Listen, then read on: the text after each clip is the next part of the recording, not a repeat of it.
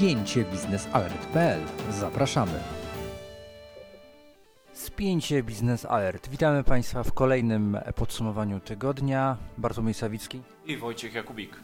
Przygotowaliśmy dla Państwa trzy kolejne, naszym zdaniem, subiektywnym, subiektywną oceną naszej redakcji, najważniejsze tematy tego tygodnia, a jest to między innymi Nord Stream 2, e, transformacja energetyczna w Niemczech, a potem jeszcze wiatraki, które oglądał w Danii właśnie Bartek Sawicki.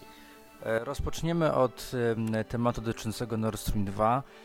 Mniej więcej od roku e, piszemy mm, na naszych łamach o tym, że jest możliwe opóźnienie budowy projektu Nord Stream 2 i to jeśli chodzi o tak zwany gazociąg EUGAL, a więc lądową odnogę Nord Stream 2, ona nie będzie gotowa, ale także o tym, że nie będą gotowe poszczególne e, e, sekwencje tego gazociągu na poszczególnych wodach gaz, e, Morza Bałtyckiego, biegnącego gazociągu przez tereny e, Morza Terytorialnego czy wyłącznej strefy ekonomicznej poszczególnych państw skandynawskich. Właśnie jedno z tych państw jest solą w oku e, Nord Stream 2 AG, spółki w 100% zależnej od e, Gazpromu. No tak, no i już rok temu pisaliśmy, że od Danii może zależeć tempo budowy tego projektu.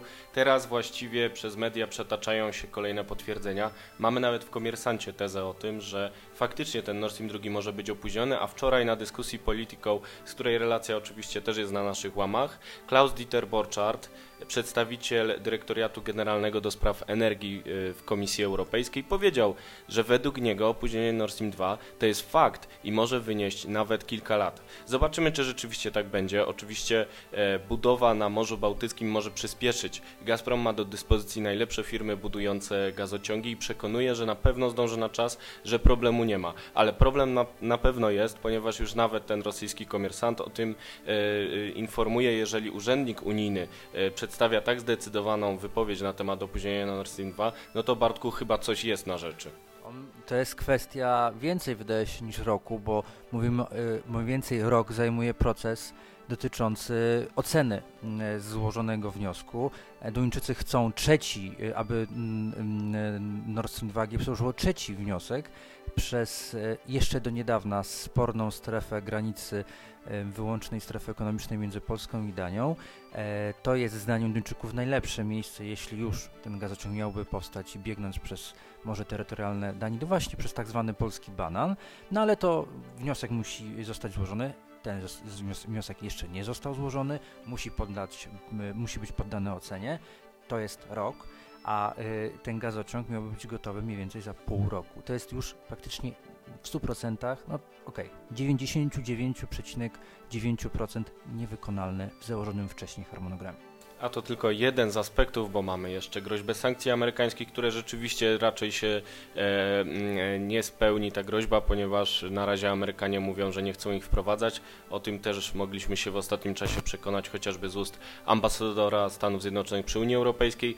Mamy e, także spór prawny o Nord Stream 2, bo przecież e, przyjęcie zrewidowanej dyrektywy gazowej sprawi, że zostanie on podporządkowany prawu i nawet jeżeli będzie podporządkowany prawu nie tak jak chce tego Polska, to sprawa może się skończyć w sądzie, a jak wiadomo, rozprawy też mogą zająć trochę czasu, no więc z tym Streamem drugim nie idzie tak dobrze, jak mogłoby iść, ale jest y, jeden pozytywny aspekt tej całej dyskusji. Ona weszła do mainstreamu i chciałem Państwu szybciutko przeczytać, co na ten temat powiedział znany raper Sydney Polak. Powiedział, nie rozumiem tego całego Nord Streamu, no nie kumam. Posługuje się alegorią ulicy, na której są domy. Z jednej strony masz jednego sąsiada, z drugiej strony masz drugiego sąsiada. Ten z jednej strony kupuje jabłka od tego z drugiej strony, chociaż wie, że ten koleś, co sprzedaje te jabłka, to za te pieniądze kupuje kije baseballowe. I co jakiś czas on z tymi kijami baseballowymi wpada do nas i nas bije, albo niektórych z nas zabija. To na jakiej zasadzie ten sąsiad z drugiej strony, który mieni się naszym kumplem, idzie do tego pierwszego i kupuje od niego jabłka? No właśnie, to jest dobre pytanie do naszych przyjaciół z Niemiec.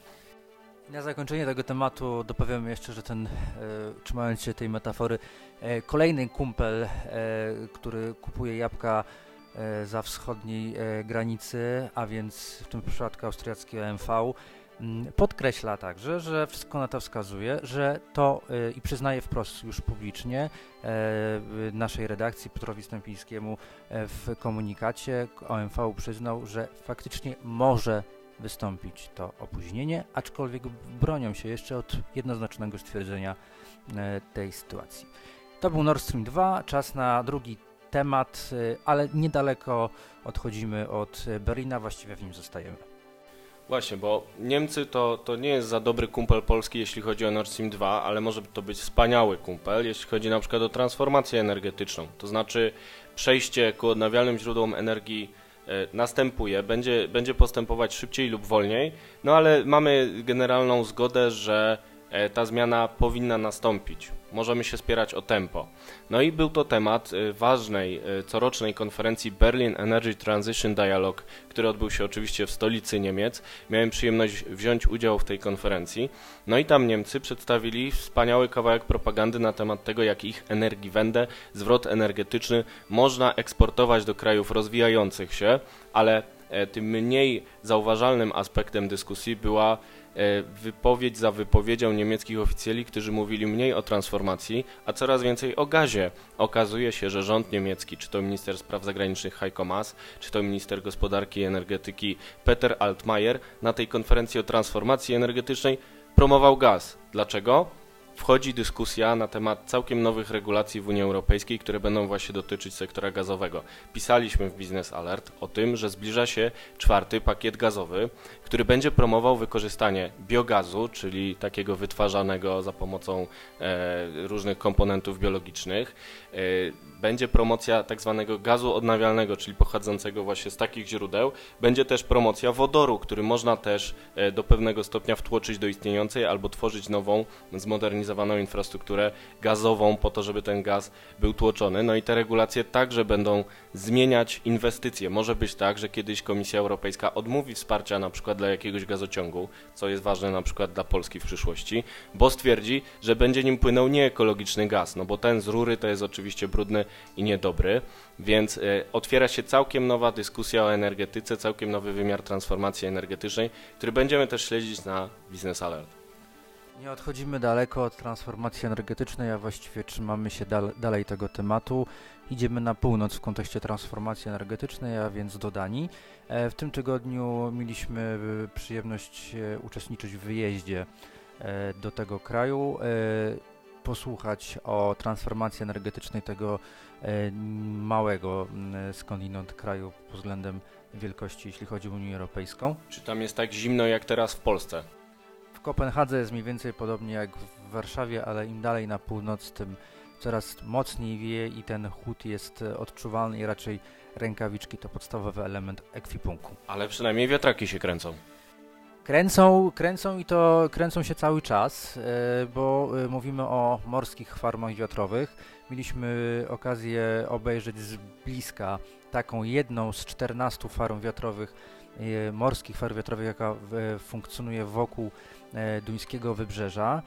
E, ona jest oddalona e, mniej więcej e, ponad 15 km od wybrzeża duńskiego, tak zwana farma Anholt, a Anholt od wyspy, która jest w pobliżu tegoż wybrzeża. Farma należy do potentata duńskiego Ersted, moc zainstalowana 400 MW, jedna z większych tego typu instalacji, która została uruchomiona w 2013 roku, ale ciekawe wnioski są takie, że sam proces, nazwijmy to prawno, legislacyjno, budowlany zajął e, Duńczykom 3 lata, a w ogóle e, w kontekście budowy tego, tego obiektu, a w ogóle cała e, kwestia dotycząca sektora rozwoju to jest około 10 lat.